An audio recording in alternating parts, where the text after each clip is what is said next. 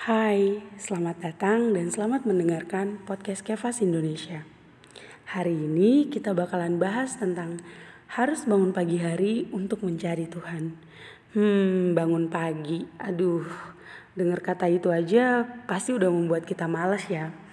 Tapi teman-teman ada kalimat yang menarik nih soal bangun pagi dan kasih kita kepada Tuhan.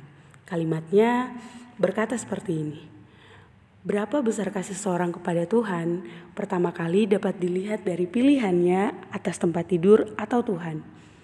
Wow, kalimat ini sungguh sangat menegur. Karena kalau kita bilang kita mengasihi Tuhan, tapi kita tidak bisa bangun pagi hari untuk mencari Dia, hal ini sama aja bohong.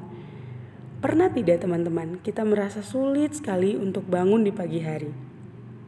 Kita ingin memuaskan diri kita dengan tidur lebih lama lagi.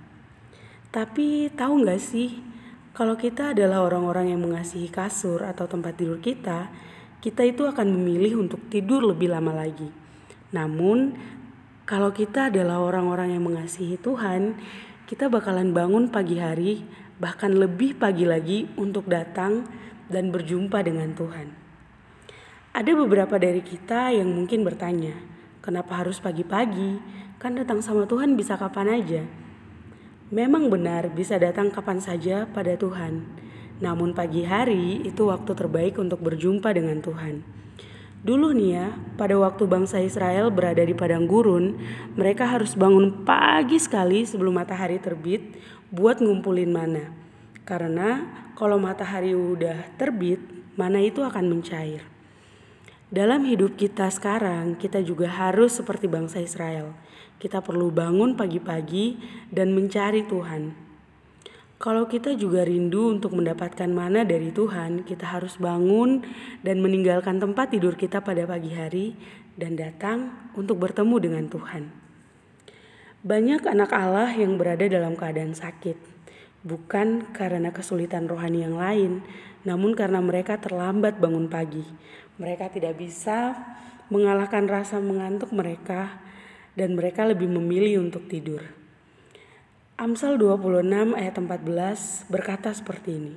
Seperti pintu berputar pada engselnya, demikian si pemalas di tempat tidurnya. Dari ayat ini kita tahu bahwa orang malas adalah orang yang mencintai tempat tidurnya. Hayo, apakah kita juga adalah orang-orang yang mencintai tempat tidur kita? Atau kita adalah orang yang meninggalkan tempat tidur kita untuk datang dan berjumpa dengan Tuhan. Teman-teman, yuk kalau mau belajar melayani Tuhan dan menjadi anaknya yang baik, kita harus bangun pagi hari.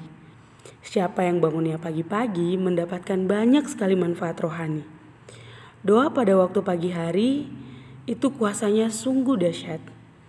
Kita harus datang pada Tuhan di pagi hari agar sepanjang hari kita kita punya sukacita yang luar biasa yang sudah kita dapat dengan perjumpaan dengan Tuhan pada pagi hari.